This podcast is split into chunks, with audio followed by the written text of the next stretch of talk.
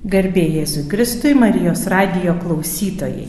Šiandieną laida yra labai neįprasta, nes ji vyksta įrašymas Kauno tardymo izolatoriuje. Ir šiandieną su manimi yra penki vaikinai, kurie atlieka bausmę. Ir mes norim pakalbėti truputį apie tai, ką reiškia, kai į įstaigą ateina savanoriai. Jau ne vieną laidą aš esu kvietus savanorius, kad jie patys papasakotų savo įspūdžius, ką jiems reiškia ateiti į įkalinimo įstaigas, skirti tą laiką, savo jėgas. O dabar mes tarsi iš kitos pusės klausėme, o ką reiškia žmonėm, kurie čia yra savanorių ateimas. Tai vieną po kito aš kalbinsiu vaikinus ir jie pasidalins savo prisiminimais e, iš tų susitikimų, kas jiems buvo svarbiausia, kuriuos labiausiai atsimena, kažkokie tai supratimai atėjo, ar jausmai, ar įspūdžiai. Tai e, pradedu kalbinti jaunuolius. Tai aš vasarą buvo stovykla, mums pranešė mokykla ir ten įvairių užimtumų buvo, penkias dienos stovyklos buvo ir visokie ten tie užimtumai buvo. Kokie konkrečiai? Tai buvo krepšinio varžybos, futbolo varžybos, ten filmų žiūrėjom, po to futbolas burbuluose ir ten pa, paskutinę dieną tai taip paprastai bendravom. O įsimintiniausia diena tai buvo tik, kai su burbulai žaidėm futbolą. Kaip, kaip tie su burbulais, kas tie burbulai? Nu, tokie pripučiami burbulai ten ir... O, net negaliu pasakyti, dideli, kaip panašus, kaip ant vandens šažinėti. Ir žaidėm ten visi tą futbolą. O buvo tenai savanorių ar tik tai mokyklos? Net savanorių buvo labai daug. Iš visur atvažiavę ten savo projektą, gerumo rankos turi ten atsidarę. Ir visokių buvo, ir krepšinį, viską žaidėm. Ir e, Ar galėtum pasakyti, kad kažką tai išmokai iš to, buvo geri jausmai, nežinau, nu, vat, koks įspūdis, kad atsimeni, va iki dabar jau tuo kitą vasarą. Tai buvo visokių bendravimų, ten tų užimtumų irgi labai įsimintini. Tai ir taip, ką įsimintina, tai ten su futbolais ir ten galėjau, to net nebuvau bandęs niekada. Tai futbolas su burbulais labiausiai įsimintiniausi. Ačiū. Šis jaunuolis jau yra gana seniai įstaigoje ir jis labai laukia visada savanorių ir mes, kai susitinkam, tai klausia, ar parašė laišką, kada atvažiuos, kur, kur tie žmonės, kur anie. Tai prašau dabar papasakoti visus savo, kiek, kiek atsimeni susitikimus su savanoriais ir ką tu gauni iš jų. Jo, savanorių per savo bausmės atlikimą mačiau daug, Jo, bendrauti irgi teko su labai daug žmonių. Tai ką galiu pasakyti, labai patiko. Va, koks įspūdis paliko, tai savanorių, kai vyko žygis. Ir tada gal dalyvavo apie 60 savanorių ir iš mūsų įstaigos 5 ar 4 buvo mūsiški. Tai labai faina buvo, nes eidami tą žygį su kiekvienu savanoriu individualiai bendravom meldėmės, kalbėjom, pasakojome savo gyvenimo istorijom, jie savo pasakojo, ką veikiame ir kokia mūsų rutina dienos, ten taip, panai. Aišku, labai patiko. Taip pat, ką dar galiu pasakyti, kad labai dar patikdavo, kai į įstaigą atvažiuodavo savanorių, mokyklos, pavyzdžiui, įvairios. Tai irgi žaidėm krepšinį, būdavo visokios viktorinos, renginiai, Ką dar čia galiu pasakyti? Gal galėtum pavardinti konkrečiai, kokie iš kur žmonės atvažiuodavo ir kokie buvo užsiemimai papasakoti? Mokyklas pamiršęs tų savanorių, kurie atvažiuodavo. Tai turbūt buvo e, gana dar ilgas susirašinėjimas su rumšiškiu mokiniu. Jo, va, apie rumšiškių mokiniai ten būdavo atvažiuodavo. Užsiemimai vykdavo įvairūs, nuo estafečių iki stalo žaidimų, savęs pažinimo. Taip sporto visokių žaidimų būdavo. Ir ten po to jo laiškai susirašinėdavom, būdavo irgi smagu pasidalinti savo istorijom, ką nuveikėm, kuom jie ką pasidalijo. O žinau, kad tu turi ir dvasinės globėjas, su kuriuom susirašinėjai, skambini. Ar kažką galėtum papasakoti apie tai? Ne, kad bendrauju su dvasiniam globėjom, palaiko mane ne tik dvasiškai ir psichologiškai, padeda man. Kai man sunku visada galiu parašyti, paskambinti, niekada nestums, padės. Taip pat labai yra smagu, kai atvažiuoja, nes labai laukiu jų. Taip pat dabar, nors į karantinas, bet vis tiek laukiu, kada atvažiuos. Nu, šiaip smagu tikrai, kai yra tokių žmonių, kurie supranta mus, palaiko ne tik dvasiškai, psichologiškai. Tai pagarbą tokiems žmonėms reiškia. Šiuo metu, kai įrašinėjame laidą, mūsų įstaigoje yra sustabdyti susitikimai su savanoriais, tai todėl jaunuoliai pasakoja iš praeities, nes artimiausių metų net nėra numatyta, nežinome, kada vėl bus galima organizuoti tuos susitikimus. Susitikimai yra juk įvairūs, atvažiuoja ir organizacijos prirašytos rankos, ir čia į koplyčią įvairių žmonių. Gal galėtum dar truputį papasakoti, o kokie čia būna susitikimai e, su tikinčiais savanoriais? Nu, tai tikinti žmonės turbūt, e, kaip ir visi, skatina gal nuteistuosius įtikėjimą Dievo, pasakoja, kas yra tas Dievas, kaip jie įtikėjo į tą Dievą, kokiu keliu ėjo. Taip pat ir mus motivuoja tuo, kad mes tikėtumėm Čia aišku, kiekvieno yra pasirinkimas, bet tikrai nori ir padeda tikrai. Ačiū. Kalbinu kitą vaikiną, noriu paklausti, vad koks įsimintiniausias susitikimas, gal kažkokius vardus atsimeni ar konkrečias veiklas, kurios vyko, kur tau buvo svarbu tie žmonės atvykę ir vad iki dabar atsimeni. Man didžiausią įspūdį padarė vasaros stovykla, kai ją suorganizavo mokykla. Tai labai didelį įspūdį paliko ir tarp bendravimo su, su žmonėmis, su tais savanoriais, jie labai mūsų suprato, užjautė, labai daug mums padėjo, palaikė mus.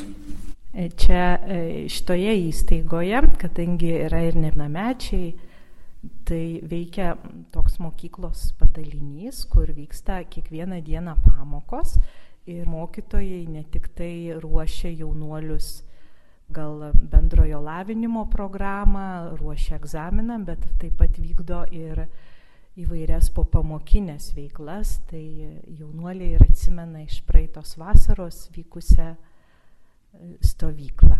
Kalbinu kitą jaunuolį, kas tau labiausiai įsiminė.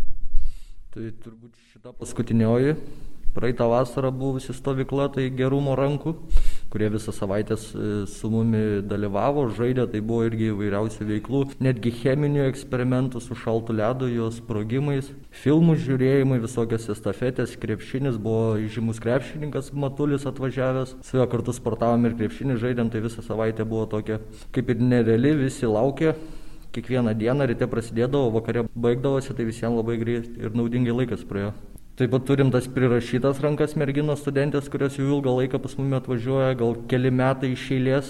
Aišku, tie e, karantinai visokie viską pristabdo, bet jos visada stengiasi atvažiuoti, visada naujos, visada su naujom veiklom, visokių įdomių veiklų sugalvoja, tai kaip ir marškinėlių kūrimas. E, mes patys sukūrėm tos marškinėlius, jie, tos merginos pardavė tos marškinėlius, kad surinktų pinigų dovanų mum. Tai per kalėdas gavom dovanų nuo tų studenčių. Taip pat e, buvo gal prieš kokius 3 ar 4 metus Erasmus, Climaur. Tai irgi labai ilgą laiką su mumi bendravo, buvo labai tenais įdomių užsiemimų, žemių žmonių buvo atvažiavę. Irgi merginos studentės pastojo atvažiuodavo, visokios veiklos būdavo. Įdomiausia veikla turbūt buvo, kai buvo atvažiavę aktoriai. Papinigis buvo, ir dar keli ne, repšys buvo ir dar keli nelabai pamenu, bet tikrai žymus. Tai buvo tokia įdomi veikla su įsidarbinimu. Tai jie apsimetė darbdaviais, o mes kaip darbuotojai atėjom pas juos pas aktorius darbintis. Tai visai įdomiai buvo, patyrė tą jausmą, ką reiškia įsidarbinti, žinot, bent jau būsi pabandęs ateity bus tau lengviau. Tai žodžiu, daug labai duoda tie atvykę savanoriai, nes jie su mumis bendrauja, mes Mes irgi su jais bendraujam, jie papasakoja, kaip kas vyksta, jie siūlo mums pagalbą, kai mes išeisime laisvę, kad jie visiškai gali viskom padėti, visada jam gali pranešti, pasiskambinti. Tai manau yra labai naudinga. Tai marškinėlių kūrimas, tai vaikinai kūrė eskizus paveikslėlių, kuriuos paskui merginos parūpino, kad atsidurtų ant tų marškinėlių ir aš pati mačiau internetiniam jų puslapį, kad buvo parduodami, galėjo žmonės įsigyti. Tai e, jos pačios pasakojo, kad tikrai šitas projektas buvo labai smagus ir jom pačiom ir matė, kad jaunimas čia įsitraukė. Taip. O kokie užsiemimai tau labiausiai įsiminė? Man labiausiai įsiminė neprirašytos rankos, kaip ten kiekvieną šeštadienį atvažiuodavo, vis naujos veiklos būdavo, darydom iš meduolių kažką naujo, ten dekoruodavom juos, visą kitą, paskui rodė mums, mokė mums pildyti CV, kaip pildyti reikia, taip naujos veiklos būdavo, žaidimai visokiausi, nuo stalo žaidimų iki visokių kitokių, paskui patikdavo ir varžybos, buvo nesiniai atvažiavę savanoriai krepšinio, vienu žodžiu, žaidėm krepšinį, ten buvo ir prizai, ir vaišės, visą kitą, tai vis tiek buvo kažkas naujos ir smagaus, nu daug pasiūlymų galėdavo jis išnekėti pilnai su jais, pilnai suprasdavo, sakydavo, kad mums realiai kitokius įsivaizduodavo, bet pamatydavo, kad mes nesam tokie, kaip mums ten įsivaizduoja, daugiau net nežinau, ką čia. Vaikinai, būdami čia įstaigoje, turi taip pat visokių užsiemimų, yra sporto salės, vyksta pamokos, bet kiekvienas iš jų labiausiai laukia to laiko, kada sugrįž į laisvę, išeis į laisvę kurti savo gyvenimą. Ir noriu dar paklausti tokį dalyką. Jūsų, e, vat, kokia ta svajonė laisvai, kokie pirmi trys ar penki dalykai, kuriuos ketinate padaryti išėję į laisvę, pavyzdžiui, gal jau galvojat kokią profesiją, ką norėtumėte dirbti. Ir kas jūs labiausiai palaiko va šitą laiką, kai esate čia, apriboti, iš tikrųjų sunkiai žmogus gali įsivaizduoti, ką išgyvena atlikdami laisvės atėmimo bausmę žmonės, ypatingai jauni, kuriem yra brandos laikas, kur norisi kurti, keliauti, mylėti, draugauti ir reikia būti čia ir dažnai ne vienerius metus. Tai kokios jūsų svajonės, kas jūs palaiko ir koks jūsų svajonių darbas? Tai mane palaiko mano artimieji visą laiką, nuoširdžiai palaiko, sako, kad ir kas be nutiktų, mes tim visą laiką sako paskambint, pašnekėsim, atvirai galim pašnekėti, nereikia nei kažko nuslėpti, visą kitą. Laisvė išės, tai labiau nori ten surasti kokį darbą, nugyventi tokį ramų gyvenimą, ne tai, kad ten vėl kažką daryti, kokias problemas, visą kitą kitiems. Daugiau kažkokį, nu, ta, tokį darbą surasti, kad dar užtektų ir atostogų išvažiuoti kažkur atostogauti norisi, va keliauti daug, pamatyti kažką naujo. Ar jau žinai, kokio tipo darbo norėtum, kažkokios profesijos ketini įsigyti? Tai darbą labiau norėčiau prie statybų kažką tokio. O taip tai dėl profesijos, tai nežinau, išėjęs laisvę ten tik tais bandysiu įsilaikyti ją. O tavo kokia svajonių profesija būtų? Nežinau, gal įsidarbinti kažkur O dabar e, mokaisi dar kažkur tai ketinti. Prie statybų, ten plitelių kliuotojas, nu prie vidaus apdailos panašiai kažkas tokio.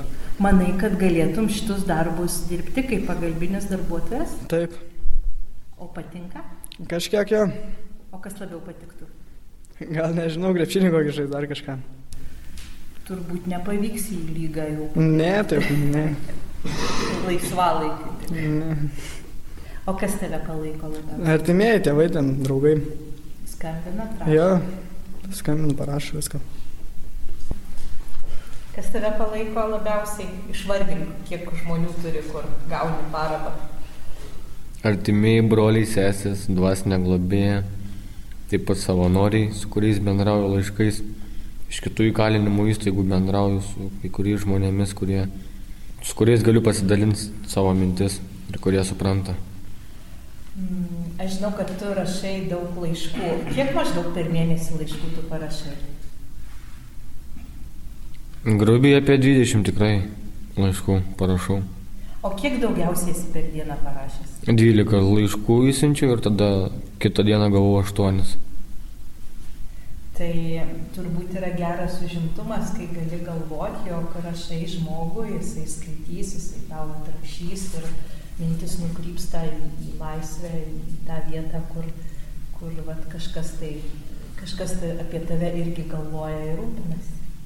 Tikrai taip. O tavo kokia būtų profesija, kokią tu norėtum? Elektronikos inžinierija. Aš žinau, kad tu svajoji apie grafiką studijuoti. Ar jau praėjo šitą svajonę? Dar ne, nu, bet kažką norisi paivairinti, šiaip daug norėčiau profesijų įgyti. O kiek jau čia esi baigęs? Mm, Dabar antrą baiginėjau. O kokia pirma buvo? Stalius medienos apdirbėja. O, antroji? Tinkotojo dažytojo plytelį klojoje. Va, tai jau labai daug darbų galėsi rasti. Kas tave palaiko labiausiai čia? Artimieji, draugai, Susirašinėjate ar skambinatės? paskambinu ir pasirašom laiškais. O turėjau sugalvojęs, ką veiksi, kai išeisi? Tau dar veiks mokyklai? Reikės, Jau nežinau, 11-12 klasę pasibaigsiu, toliau bus matyti, nu, tai susirasti darbą, negryžti tais pačiais keliais.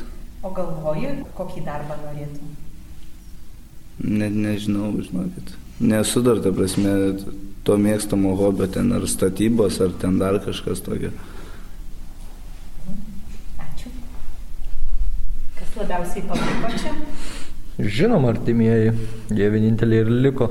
O dėl profesijos, tai aš nuo vaikystės svajojau tapti kokio sporto treneriu, tai stoti sporto universitetą.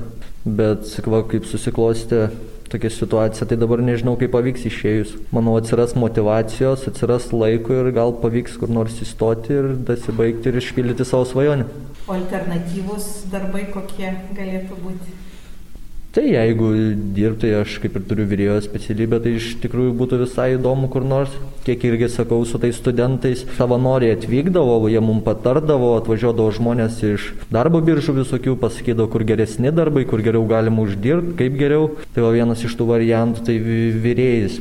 Klaipadoj kokio ten sakė geri atlyginimai, visai įdomus darbas, manau, būtų. Ir vieta nebloga klaipėda. Ir vieta nebloga atostogom gerom, gražiai nugyvent gyvenimą. Ačiū.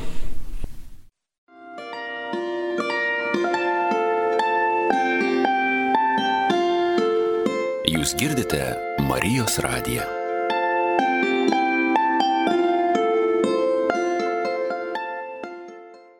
Įstaigoje taip pat lankosi žymus žmonės ir aišku, ne visi vienodai atrodo įžymus jaunimui, jaunimui ypač svarbus tie, kur sportuoja, kur gali pamatyti per televizorių ir dažnai tie susitikimai lieka tokie labiau įsimintini. Tai dar noriu paklausti, kurie vat iš tokių susitikimų, koks žmogus ir, ir ką veikėt su tuo žmogum. Ne, buvo atvažiavęs į įstaigą labai žymus sporto kovotojas, tai Maslabojevas. Jie labai patiko, į tada į tą jo paskaitą susirinko nemažai žmonių, jis pasakojo savo gyvenimą, savo sporto karjerą, kaip ėjo ten nuo, sa- nuo to savo mažo takelio, kai pradėjo. Jo, pa, buvo labai įdomu paklausti, kokias kovas jam teko kovoti su kokiais žymiais kovotojais pamotivavo mus siekti irgi gerą linkmę eiti. Tai Maslabojevas taip pat buvo atvažiavęs, e, man atrodo, čia irgi yra kaip savanoriai tą, tą Alfa Run kažkokią grupę, kuri taip pat yra sportininkai. Nepamenu ten to pagrindinio pavardės, bet jis irgi buvęs Lietuvos ar Europos e, kultūristų čempionas. Tai žodžiu, jisai e, buvo Maslabojevas, atvykęs Iron Vytas, dar keli sportininkai, tai mes su jais e, pažaidėm futbolą. Kartu po, po futbolo nuėjom į patalpas, kuriuose bendravom, gėrėm arbatą, valgėm sausainius, jie ten pasakojo savo istorijas, kaip jie gyveno, kaip jie pasiekė viso šito ir taip pat mumi motivavo, kad ir kaip mes gyvenime suklydom, kad ir čia atsidūrė, mes išėję visiškai galim pasikeisti ir nekreipdėmėsi į kitų nuomonę, o užsimotivuoti ir siekti savo tikslų, kuriuos tikrai gali pasiekti. O dar kiekvienais metais atvyksta Lietuvos policijos mokyklos kursantai ir su Daliu Matskelą, kaip šitie susitikimai jums atrodo? Taip, tai Darius Matskela irgi iš tikrųjų kiekvienais metais bando su savo studentais atvažiuoti. Čia mes žaidžiam futbolą, krepšinį, tinklinį. Tai praeitą vasarą, 21 metų vasarą jis buvo atvykęs ir merginų atsivežęs, ir vaikinų, tai ir su vaikinais, ir su merginom kartu žaidėm ir futbolą, ir tinklinį. Tai visiškai taip netrodo, žinot, pareigūnai ir nuteistieji atrodo nesuderinami dalykai, bet va, atvažiuoja su mumi bendrauja, su mumi žaidžia, tai visiškai neišskiria iš tų, iš tų paprastų žmonių. Jie mumi irgi laiko žmonėmis. Ačiū už pokalbį. Dar noriu kalbinti Kauno tardymo izolatoriaus resocializacijos skyriaus psichologę, kuri konkrečiai dirba su šiais jaunuoliais, atlieka jų vertinimus ir jos prašau papasakoti truputį apie tai, kokie darbai, kokie, koks sugdymas atliekamas yra su jaunuoliais, kurie pakliūna vat į mūsų įstaigą. Tai trumpai papasakojant apie patį procesą, tai kuomet e, nuteistasis nepilnametis atvyksta pas mus į įstaigą, aš siekiu išsiaiškinti apskritai, kokias jis turi savo stiprybės ir kokius turi jisai sunkumus. Kaip aš tai padarau?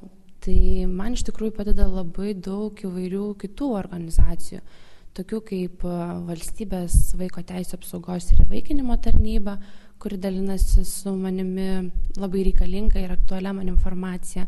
Rajono socialinių paslaugų centrais, mokykla, resocializacijos kitais specialistais. Tai mano darbas iš tikrųjų iš pat pradžių yra susirinkti labai daug informacijos. Bet pati man aktualiausia ir svarbiausia informacija tai yra iš pačio jaunuolio, iš pačio nepilnamečio. Vertinimas iš tikrųjų yra tikrai labai išsamus nes jis sudaro labai daug įvairių veiksnių.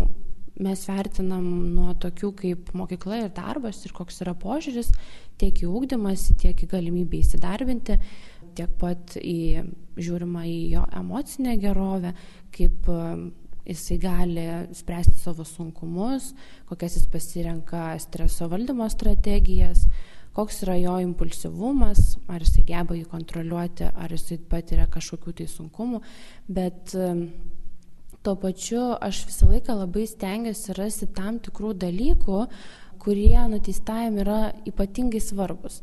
Tai galėčiau pasidalinti vienu pavyzdžiu. Tarkim, kalbant e, su jaunuoliu, išaiškėjo, jog jis per visą savo gyvenimą matęs daug įvairiausių specialistų ir nori tapti psichologu. Ir visas tas jo noras siekis jį skatina skaityti daugiau literatūros. Tuomet, kai aš išsiaiškinu kažkokią raktinę stiprybę, pavyzdžiui, kaip kad ir ši noras tapti specialistų psichologu, mes sudarome uh, intervencijų planą. Na ir kadangi šis noras yra tikrai ypatingai svarbus jam pačiam, mes surandame būdų, kaip tą norą pastiprinti. Tarkim, išsirenkame kartu perskaityti kokią nors psichologinę knygą ir susitarėme po trijų mėnesių ją aptarti. Jis tai gali padaryti ir nebūtinai su manimi, jis gali padaryti tai su specialistu, kuriuo jis pasitikė. Tai gali būti selovadininkas, gali būti auklėtojas, gali būti kitas resocializacijos skyriaus specialistas. Ir netgi iš dinaminės priežiūros. Svarbiausia tai būtų, jog pats nuteistasis norėtų tai daryti su tuo žmogumi. Galima pasirinkti ne tik skaityti literatūrą. Jeigu jisai turi gebėjimą ir norą pravesti kokią nors paskaitą ar seminarą, mes galime išsirinkti kartu kokią nors temą. Pavyzdžiui, apie konfliktų valdymą. Tuomet tas žmogus, su kuriuo jis pasirenka tai daryti, pavyzdžiui, bibliotininkė ar to pačiu, lygiai taip pat ir aš, parinktume jam literatūrą apie konfliktų valdymą, kokios yra strategijos, kaip tai daryti, ko geriau nedaryti konfliktų metu. Ir tuomet nuteistasis savo kitiems draugams praveda užsiemimą. Tai turėjom tokį atvejį, kuomet du nuteistieji pravedė tikrai labai įdomią paskaitą ir po jo sekančią Viktoriną apie psichoktyvių medžiagų vartojimą ir jų žalą. Bet e, įvertinime svarbu atkreipti dėmesį ne tik į tas raktinės stiprybės, kurias paminėjau, bet ir į kritinius sunkumus. Dėl to, kad e, tai yra kaip rizikos veiksniai, kurie skatina pakartotinai nusikalsti nuteistai.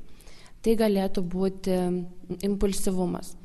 Mes išsiaiškinom vertinimo metu, kad nuteistasis jisai pagautas momento atlieka nusikalstamą veiką arba jam yra ypatingai sunku valdyti savo pyktį ir jis pasirenka jį išreikšti smurtu prieš kitą asmenį.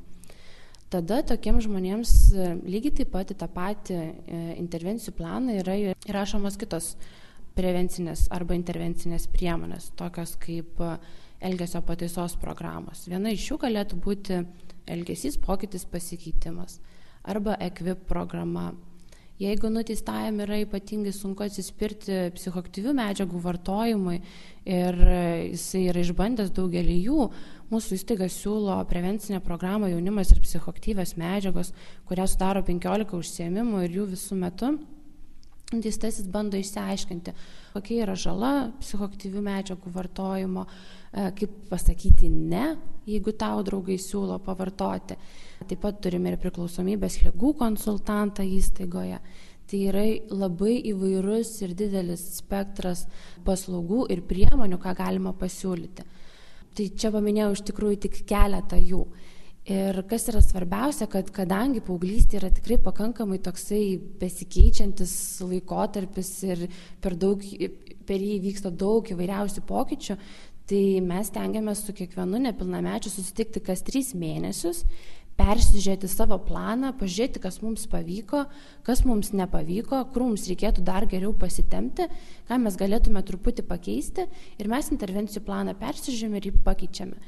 Nuteistasis gali pasakyti, kad aš jau tą padariau, tą padariau, šitą irgi įvykdžiau, ką man toliau daryti. Tai mes ieškome būdų, ką galėtume dar pasiūlyti ir kaip galėtume stiprinti raktinės stiprybės ir mažinti tos kritinius sunkumus. Tai galbūt trumpai tiek. O kiek laiko jūs čia dirbate? E, aš dirbu pusantrų metų šitoje įstaigoje. Ir kokie įspūdžiai, ir jau matosi vat, per šitus pusantrų metų, kad kažkuris iš vaikinų pasikeitė, arba kad nežinau, kaip vat, pačiai atrodo žvilgsnis į juos, į jų gyvenimus, kokie jausmai kyla su jais dirbant. Iš tikrųjų yra tų sėkmės atvejų tikrai, kuomet e, aš pastebėjau, jog yra įvykęs pokytis iš tikrųjų, bet kaip ir minėjau, mes susitinkame labai dažnai. Ir e, labai dažnai būna taip, jog per tuos du mėnesius jiems viskas, tarkim, puikiai sekasi, bet paskutinį mėnesį, tą trečią mėnesį kažkas atsitinka ir jų šiek tiek motivacija truputį krinta. Ir vėl reikia juos motivuoti, stengtis toliau išlaikyti tą pokytį, stengtis e, pakeisti jų tą požiūrį, kad viena nesėkmė nenubraukė visų tų dviejų mėnesių pastangų.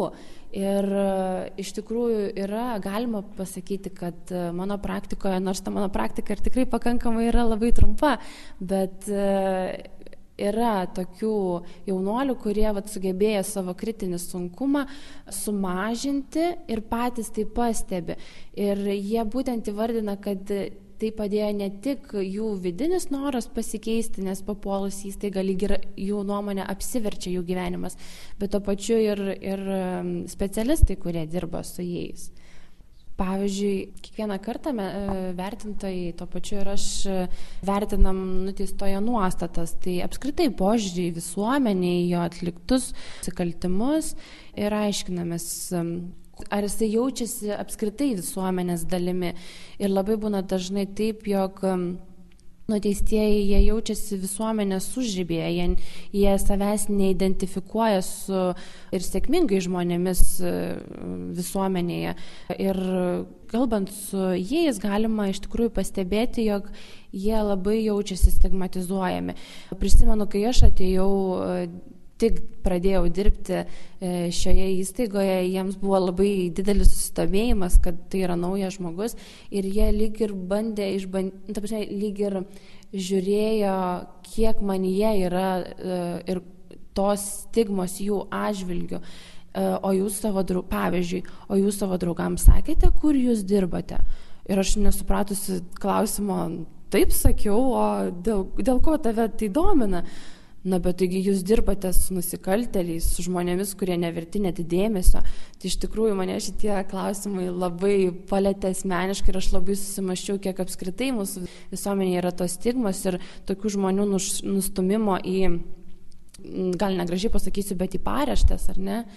Ir jiems iš tikrųjų ypatingai yra svarbu save identifikuoti su sėkmingais žmonėmis, o kuomet jie patiria tą atstumimą, jie tarsi pasitvirtina savo viduje, kad aš esu blogas, aš esu nereikalingas, į mane žiūri kaip į, į į žmogų, nuo kurio reikia šalintis ar nepriimti ir nepadėti. Tai iš tikrųjų tas yra labai sudėtinga ir mes kartu su specialistais tengiamės pakeisti tą požiūrį ir padėti jiems priimti save tokį, koks jis yra ir bandyti pasikeisti į tą gerą pusę. Tai yra labai daug įvairių prevencinių pokalbių apie nuostatas tie patys e, savanoriai atvyksta į mūsų įstaigas ir jie, nu, kaip ir parodo tą savo norą padėti jiems integruoti, savo norą padėti jiems atskleisti gerasias savybės, tai kad yra visuomenėje tų žmonių, kurie jų neatstumia ir kurie iš tikrųjų nori juose pažiūrė, išvelgti kažką gero ir kažkaip tai jiems padėti, sugrįžti į tą uh, doros kelią į, ir remtis visuomenėje primtinomis vertybėmis. Tai tokiu atveju, kuomet e, keičiasi požiūris į visuomenę tikrai yra ir jie geba po truputį, po labai nedidelį žingsnį e, suprasti, jog jie gali būti tą visuomenės dalimi.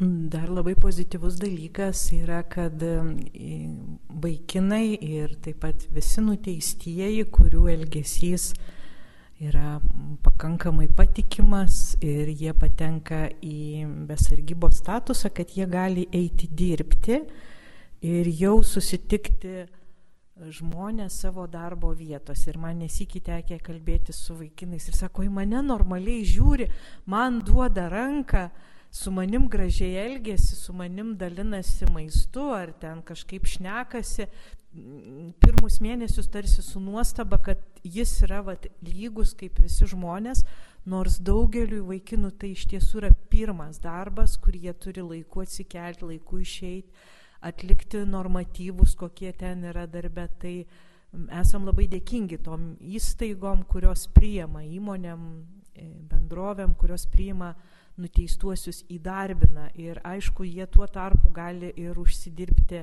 atlyginimą, tuo tarpu gali gražinti e, antstolius ar jei suaugę neretai gali ir savo vaikam išmokėti alimentus, tai jų vat, šitoks buvimas įstaigoje tikrai yra pozityvus. Tačiau kaip vat, patys jaunuoliai neretai pamatę naujus žmonės, kurie ateina į įstaigą, tarsi žiūri, ar mus laiko žmonėmis. Ir iš tikrųjų tai nėra iš piršto laužta, nes jau per gyvenimą jie turėjo labai daug patirčių, kai yra nurašomi, kai yra uždedama etiketė, kad tu gyvulys, tu žvėris, tu nežmogus, tu banditas, žulikas, kažkas tai. Ir va šitos etiketės jos tampa tarsi užprogramuojančios žmonių paskui pasirinkimus, kur dažnai jie stengiasi ilgą laiką įrodyti, kad tokie nėra. Ir paskui vieną kartą suklupę ir vėl gavę tokią etiketę, tokį kažkokį vertinimą, tarsi vėl yra sugrįžta į tą užburtą ratą, į tą netinkamą elgesį. Tad iš tiesų kiekvienas iš mūsų esam tie žmonės, kurie galim e, suteikti vilties šitiem žmonėm pasitaisyti ir galimybę. Dėkojame, mėly Marijos radio klausytojai, kad esate su mumis, klausote šių laidų.